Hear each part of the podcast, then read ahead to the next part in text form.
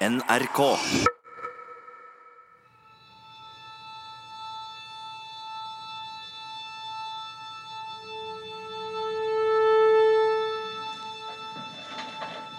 Retten er satt. Nes herredsrett avsier dom i sak 0151M. Dommen er på 26 sider, og jeg kommer ikke til å lese Det er gått to år siden Per, Veronica, Kristin og Lars ble pågrepet. To år siden politiet begynte å avhøre dem, og alle begynte å skylde på hverandre. De er nå ved veis ende i den første rettssaken i Nes herredsrett, og dommen skal falle. Har de medvirket til trippeldrap, og har de gjort det med viten og vilje?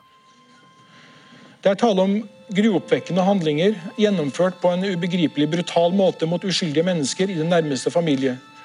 Det foreligger ikke formildende omstendigheter som kan lede til at straffen settes lavere enn maksimumsstraffen. Det er ved straffutmålingen ikke grunnlag for å vurdere ektefellene forskjellig. Straffen settes etter dette for begge til fengsel i 21 år. Og Så går vi da over til å behandle Kristin Haukeland. Hun har som ektepar Orderud over en lengre periode engasjert seg aktivt og konkret i planlegging og forberedelse av drapene. Det foreligger ingen formildende omstendigheter. Straffen settes til fengsel i 21 år. Retten viste ingen nåde. De hadde medvirket, og de hadde gjort det med viten og vilje. Men så var det Lars. Den småkriminelle kjøpmannssønnen fra Bærum som traff Kristin Kirkemo der ute på Oslos skyggeside. Han forelska seg i henne, uvitende om vepsebordet han var på vei inn i. Og så er det da til slutt Lars Grønnerød. Det er ikke bevismessig dekning for at Grønnerød har hatt noen sentral stilling i saken. Han har handlet som en følge av pågang for, fra andre, og da i første rekke fra Kristin Haukeland, som han var forelsket i og dominert av. Retten finner det ikke ført tilstrekkelig bevis for at Grønnerød har tatt del i planlegging av drapene. Straffen settes etter dette til fengsel i to år og seks måneder. Og retten er hevet. Lars Grønnerød måtte ta sin del av skylda for trippeldrapene, mente retten. Han hadde solgt våpen til Per Orderud. Men det er sånn kriminelle gjerne gjør. Det betydde ikke at han hadde vært med på å planlegge drapet på tre forsvarsløse mennesker. Lars fikk to og et halvt års fengsel. Han anka ikke. Han hadde allerede sittet i varetekt i 173 dager og var snart en fri mann. Trodde han.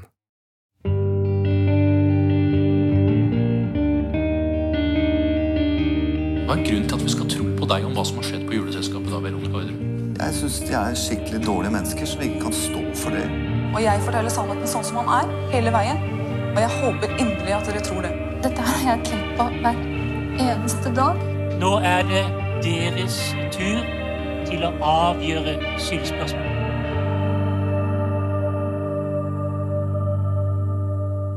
Mitt navn er Joakim Førsund, og dette er podkasten Familiene på Orderud. Femte episode Dommen.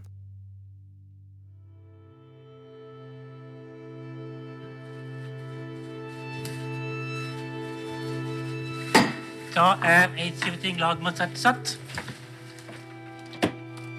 Lagmannsretten skal i dag behandle ankesak 666 for 201. Det er mot Per Christian Orderud, Veronica Orderud, Kristin Kirkemo Haukland, Lars Grønnerud. Det er klart for den avgjørende rettssaken. Per, Veronica og Kristin har anka sine dommer. Og statsadvokaten har anka den milde dommen mot Lars. I salen sitter venner av de avdøde og venner av de tiltalte. Der sitter slektninger og naboer, og der sitter juryen, eller lagretten, som den også kalles. Ja, da skal eh, lagretten ta plass etter hvert som vi roper dere opp. Husmor Karin Søtterud. Ja. Avdelingssjef Arild Bråten. Ja. I motsetning til i herredsretten, da de fire tiltalte ble dømt av en dommer og to legdommere, skal en jury bestående av ti medlemmer, ti relativt tilfeldig utplukka mennesker, vurdere saken på nytt. De fire tiltalte skal dømmes av likemenn, som det heter, altså ingen dommer, ingen jurister, men en husmor, en avdelingssjef, en ingeniør, en bankansatt, en lærer og en forsikringsagent, ved navn Tore Vollum.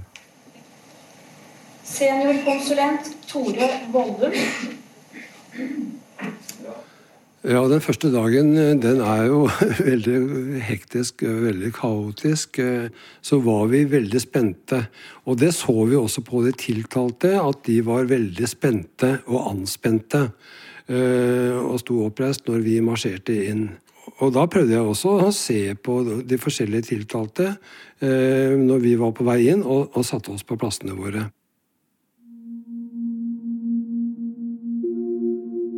Den pensjonerte forsikringsagenten Tore Vollum satt i juryen i Eidsivating lagmannsrett.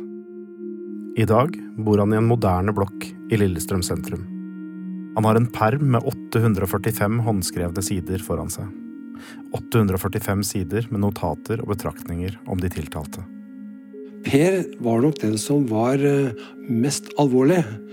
Veronica virka på en måte munter, og det samme gjorde søster Kristin. Og Lars han syns jeg også så ganske alvorlig ut. Og tenksom. Førsteinntrykket mitt av Lars Grønnerød, det var at han var ikke så veldig interessert, egentlig. Han distanserte seg veldig mye fra hele saken. Ga ikke uttrykk for at det var så veldig alvorlig i starten, følte jeg. Men jeg fikk en viss sympati for Lars. Fordi at han nok var dratt inn i saken pga. kjærlighet i utgangspunktet. Lars, det er han det skal handle om nå.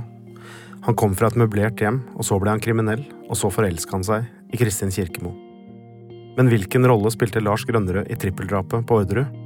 Ble han lurt med av kjæresten sin? Denne episoden med disse lighterne, den, den stemmer. Mm. Så jeg dro opp til henne, og det var første gang jeg traff henne. Henne er Kristin Kirkemo, og den lighter-historien har hun fortalt i retten, hun også. Kristin hadde fått tak i et parti med Zippo-lightere, og Lars ville muligens kjøpe. Det er sånn man møter hverandre der ute på skyggesida, har jeg inntrykk av. Det er sånn man sosialiserer. Man kjøper, og man selger. Lightere, klokker, telefoner, narkotika, våpen. Og i en kort periode levde Lars og Kristin dette rastløse livet sammen. Kristin flyttet uh, inn uh, fordi hun, uh, som hun selv sa, var blitt kastet ut fra, fra den leiligheten hun hadde i Svalveien. Mm. Av, av farmoren sin. Var det et tradisjonelt kjæreste-samboerforhold? Hvor man deler bord og seng?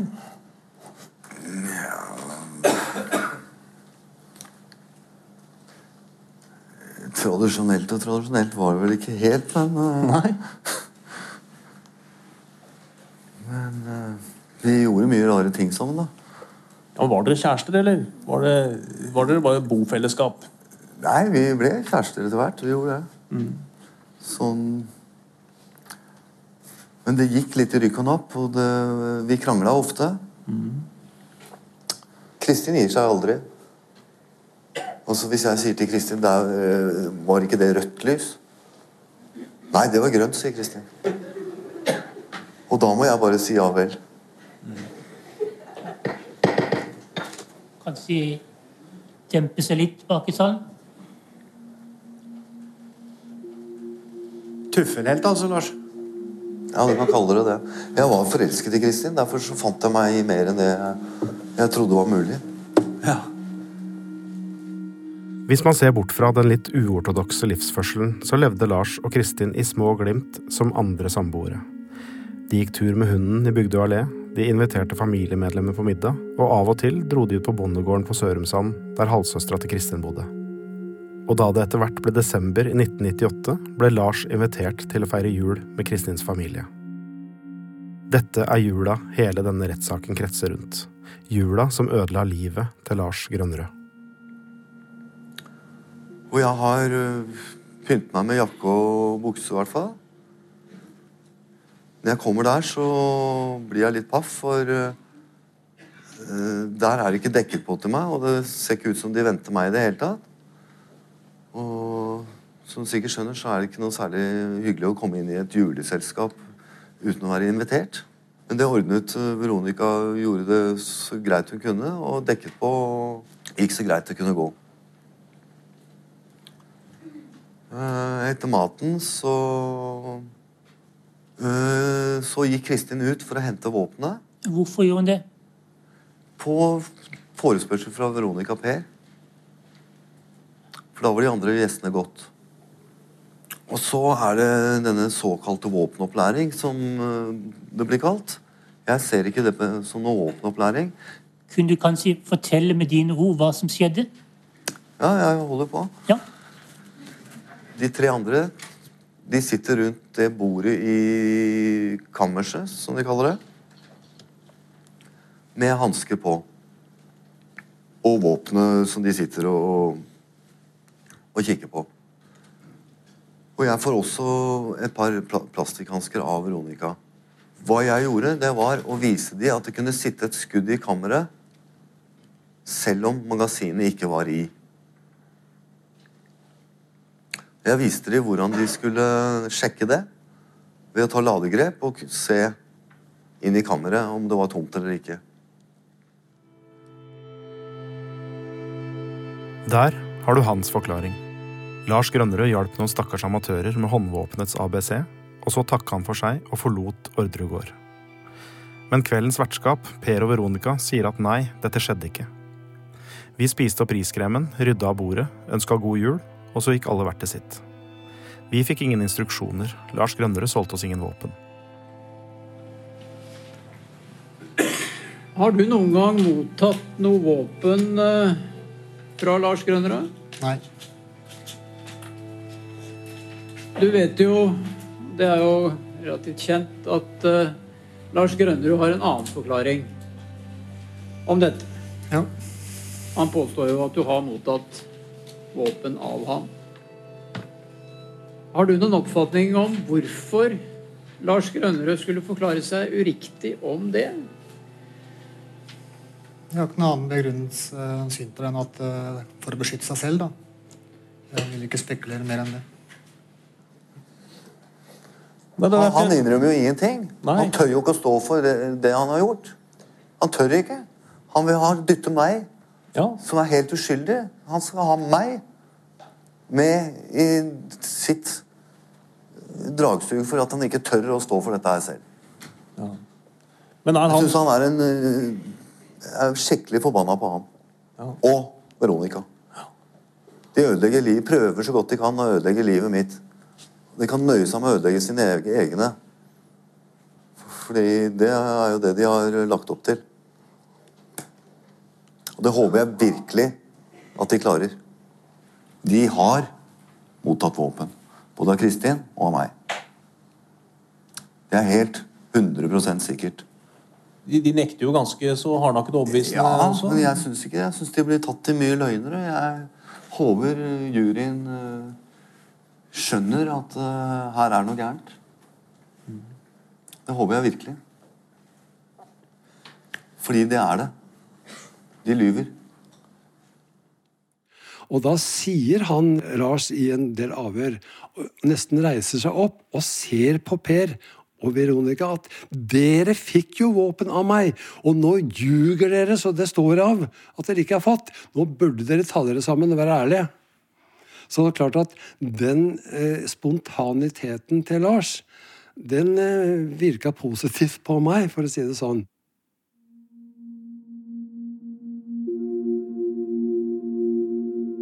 Lars virka spontan og troverdig, sier jurymedlem Tore Vollum. Og det er dette denne rettssaken i bunn og grunn dreide seg om. Bevisene var så få, så lite håndfaste. Derfor handla det mye om troverdighet. Og ikke på noe tidspunkt i rettssaken ble troverdigheten ramma hardere enn da Per Orderud innrømte at han hadde forfalska farens underskrift på en kjøpekontrakt for å sikre seg familiegården. Den skrev hun under på selv, dessverre. Det, Ja, skrev du under ditt navn selv? ja. Eller min fars navn. Å. -huh. Ja, betyr det at den ikke ble forelagt din far? Nei, den ble ikke forelagt min far. Men hva er det som har skjedd i mellomtiden som gjør at du nå mener at uh, tiden er inne til å si, at, uh, si det selv? Nei, nå vil jeg legge alle kortene om bordet. Altså, jeg hadde jo ikke Ja, trodde jeg skulle bli dømt sist, og nå har jeg ikke noen vei tilbake. Nå er det bare å si alt som det er. Da eh, falt Per veldig for det. Det hadde han gjort mot faren sin og brukt faren og mora i en rettssak. Plaga livet av dem, holdt jeg på å si, i sivile saken om kjøpekontrakten. Og det ga ikke mye tillit til, eh, Per. Da skjønte jeg på en måte at ja, det var veldig vesentlig i forhold til motiv.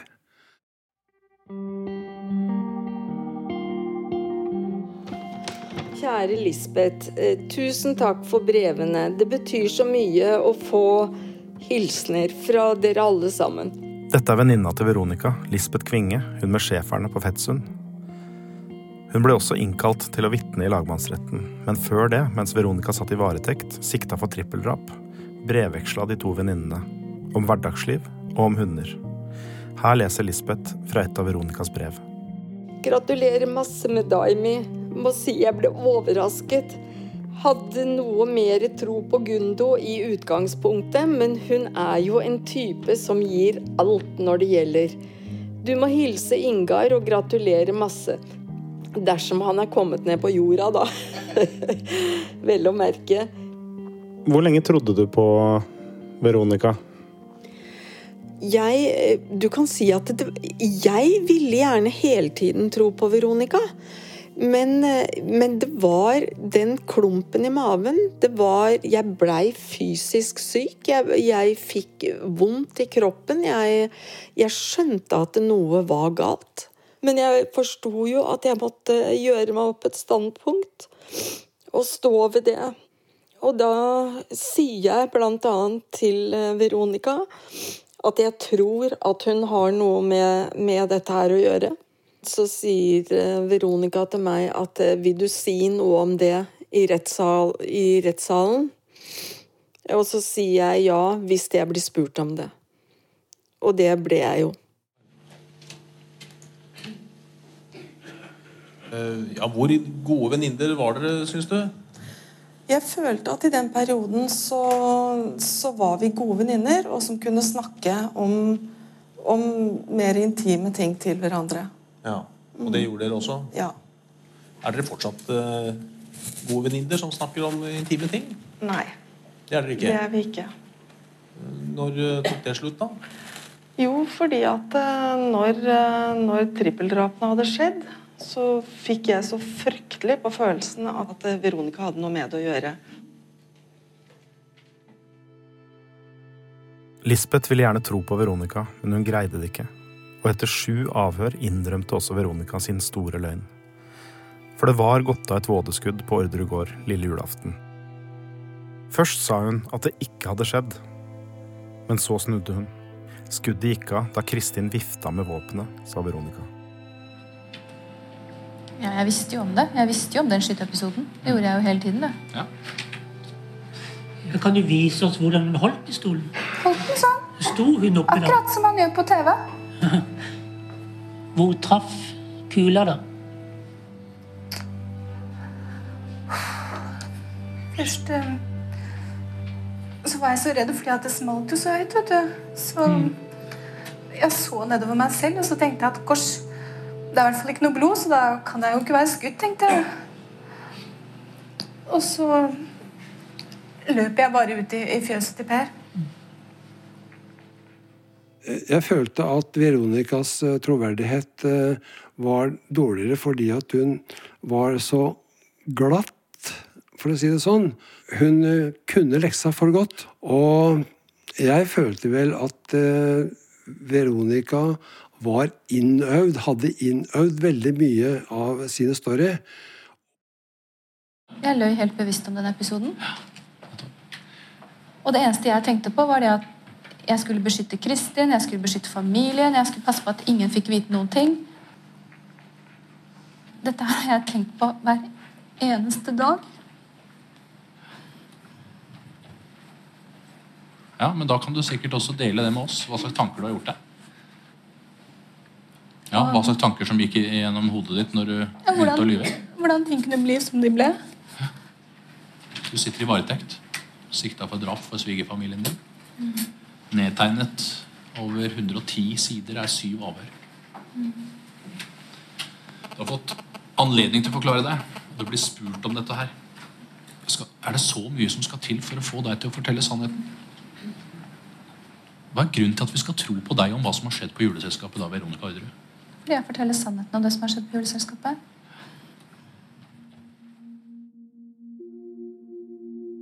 Det er en logikk her i Veronicas løgn.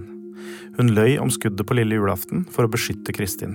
For Kristin var på kjøret og levde på nåde både overfor barnevernet og faren hennes Sverre, som hadde sønnen hennes boende hos seg. Hvis det ble kjent at Kristin drev og skøyt med skarpt innendørs mens den øvrige familien forberedte seg til juleselskap, så ville nok både den ene og den andre tvil på om hun var skikka til å være mor. Veronica løy for å redde Kristin, og det er forståelig, mange hadde gjort det, men det forutsetter kanskje at man har et nært forhold til søstera si. Din søster Kristin. Hvis du med noen få ord skal karakterisere henne som person, hva vil du da si? Det jeg føler, som har vært fremtredende opp gjennom hele barndommen, i hvert fall, og som jeg nå også har sett eh, Hun har gitt en del intervjuer underveis, i ukeblader osv. Ja. Og det som jeg ser som problemet, er jo at hun ikke klarer å skille fantasi og virkelighet. Noe mer du vil si som karakteriserer henne? Nei, jeg kjenner henne jo ikke. Jeg syns ikke det.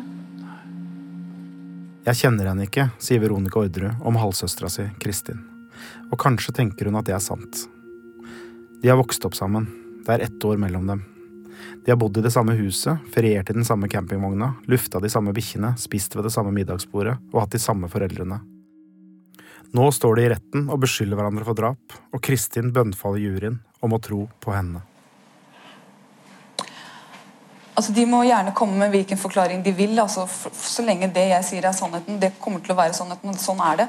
Men uh, det jeg reagerer på, er faktisk at min egen søster skal skå, stå og kaste skit på meg og min egen familie. Jeg har ikke hatt noe som helst dårlig barndom, og det har ikke hun heller hatt. Og det gjør meg vondt at hun også skal sverte sin egen familie oppi alt sammen. Og sønnen min, for ikke snakke om. Det er ting som gjør meg vondt. Resten prøver jeg bare å, å skyve unna, for de har allerede kappa armer og bein av meg. Så det Jeg må bare prøve å overleve oppi alt sammen. Ja, men like fullt så er det jo eh, altså, Så sitter du jo i denne saken her, da. Ja. Jeg gjør det. Blir du ikke forbanna av det? Ja? Altså, Jeg har vært forbanna lenge nok jeg, på alle sammen. Men det kommer liksom til et punkt der at du altså, Du må bare fortelle historien din sånn som han er, og så må du ikke bry deg om alt det andre de andre sier. Så Løgnene er der uansett. Og Det eneste jeg kan gjøre med de løgnene, er å fortelle sannheten sånn som den er. Og Enten så får dere tro på meg, eller velge å tro på dem. Og jeg forteller sannheten sånn som han er, hele veien. Og jeg håper inderlig at dere tror det. Ja, Kristin eh, var jo eh, Hei, hun var eh, Prata veldig bra. Henne veldig fantastisk. Jeg tenkte, jeg, jeg jobba i forsikring sjøl. Henne kunne bli en veldig bra forsikringsselger.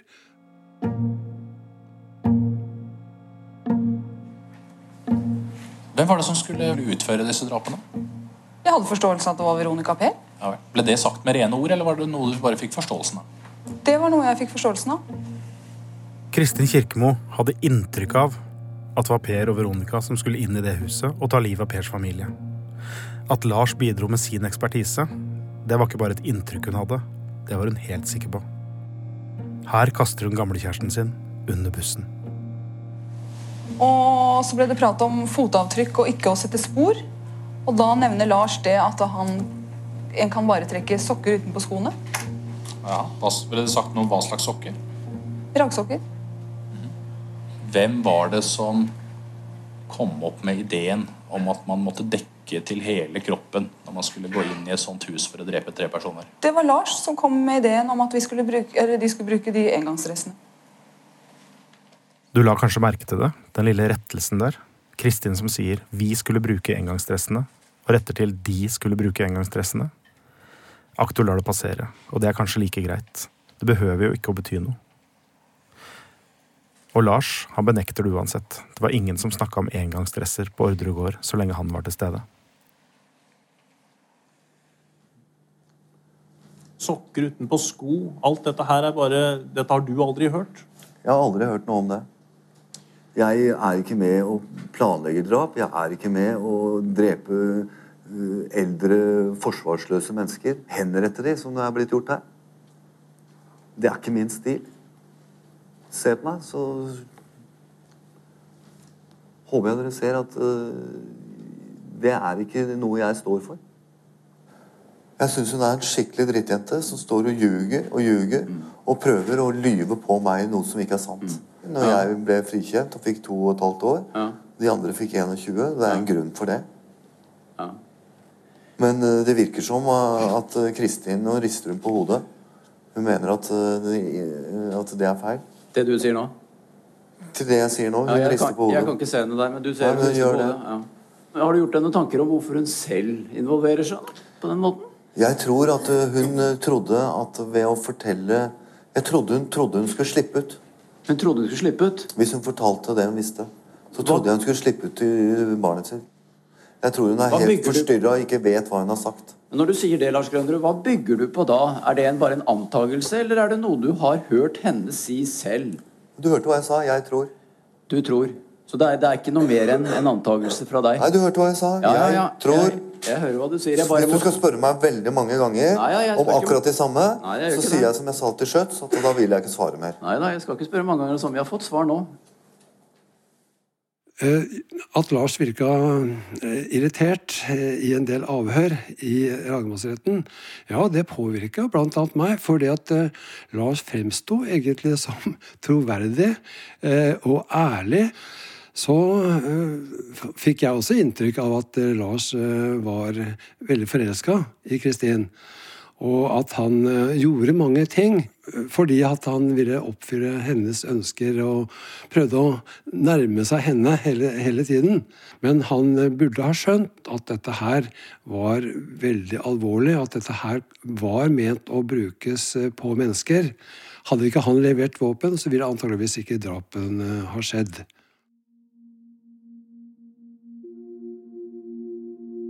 Det er dette det koker ned til. Skjønte Lars Grønnerød at disse våpnene skulle brukes til å utslette Per Orderus familie? Var han med på planlegginga av trippeldrapet, som Kristin påstår, eller ante han ingenting om disse planene? I den første rettssaken sa dommerne at Lars Grønnerød medvirket uten forsett, at han gjorde som han gjorde fordi han var forelska i Kristin Kirkemo. Det fantes ikke tilstrekkelig bevis for at han kjente til drapsplanene, og derfor fikk han bare to og et halvt års fengsel. Nå skal han dømmes av en jury. Nå skal de samme bevisene vurderes av en husmor, en avdelingssjef, en ingeniør, en bankansatt, en lærer og en forsikringsagent. Det er dette som er Lars Grønneres likemenn. Nå er det deres tur til å avgjøre skyldspørsmålet. Da vil jeg be lagretten trekke seg tilbake idet vi alle reiser oss opp. Tore Vollum og resten av juryen trekker seg tilbake. De blir kjørt av gårde i buss og innlosjert på en gammel gård nord for Kongsvinger. Helt avskåret fra omverdenen. Og vi satt eh, rundt bordet, eh, og da begynte den første, som satt til venstre for eh, formann, han begynte å fortelle hva han følte. Hvilke bevis som skulle legges stor vekt på i sin vurdering av saken eh, som hadde vart i to og en halv måned. Og sånn gikk vi fra person til person til person til person. så var det en veldig lettelse, egentlig, at vi da hadde kommet så langt at vi hadde eh, votert og kommet fram til et resultat.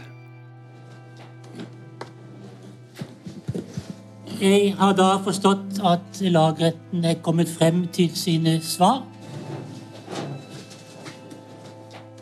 Vi var veldig ettertenksomme, og vi følte alvoret i, i, eh, i situasjonen, fordi at vi visste jo da hva resultatet var, selvfølgelig, når vi da skulle gå ut i rettssalen på Åråsen, og hvor eh, Arild formann skulle lese opp det. Og jeg visste at de sto der inne, de som var tiltalt, og at de hadde det veldig lite godt. Lagretten har på ære og samvittighet gitt følgende svar på de spørsmål som er stilt. Er tiltalte Per Christian Orderud skyldig i å ha medvirket til å forvolde en annens død? Ja, med flere enn seks stemmer. Er tiltalte Veronica Orderud skyldig i å ha medvirket til å forvolde en annens død? Ja, med flere enn seks stemmer. Er tiltalte Kristin Kirkemo Haukland skyldig i å ha medvirket til å forvolde en annens død? Ja, med flere enn seks stemmer. Der har du den, den endelige dommen. Per og Veronica Orderud får 21 års fengsel. Kristin Kirkemo får 16, fordi hun har forklart seg velvillig for politiet. Og så er det Lars. Har han medvirket til overlagt trippeldrap? Og har han gjort det med viten og vilje? Er tiltalte Lars Grønnerød skyldig å ha medvirket til å forvolde en annens død? Ja, med flere enn seks stemmer. Er den i spørsmål 20 beskrevne medvirkning utført med overlegg? Ja, med flere enn seks stemmer. Eh, når det kom til eh, Lars Han visste hva han gjorde. Hadde en sentral rolle i muligheten til at drapene ble gjennomført. Så jeg vurderte det som viktig at han fikk en streng straff. Lars Grønrud, født 14.1.1958, dømmes for forbrytelse mot straffelovens paragraf 233 første annet ledd til fengsel i 18 18 år. Da er retten hevet.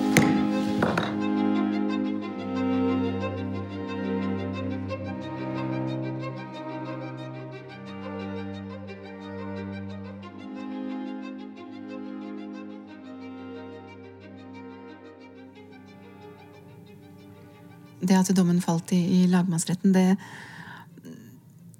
det husker jeg egentlig best som et bilde, på en måte. Eh, eh, det var akkurat som å stå på kanten av en klippe.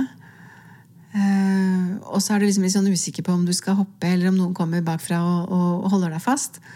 Og når, det, når, de svarte ja på det skyldspørsmålet, så var det akkurat som om de du på en måte ikke bare hoppa, men som om noen dyttet deg utfor. Det var litt den følelsen. Og det var eh, Det var klart det var en følelse av at nå er det over, liksom. Nå er livet over. Det er liksom ikke noe mer.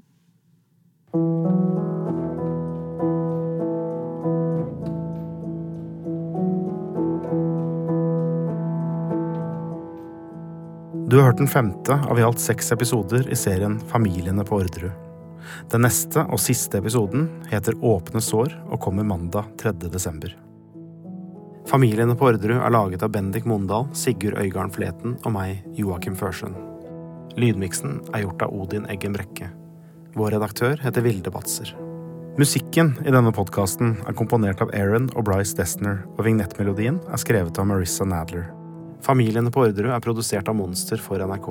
Alle episodene blir gjort tilgjengelig i appen NRK Radio, og du kan kontakte oss på følgende e-post podkast at nrk.no.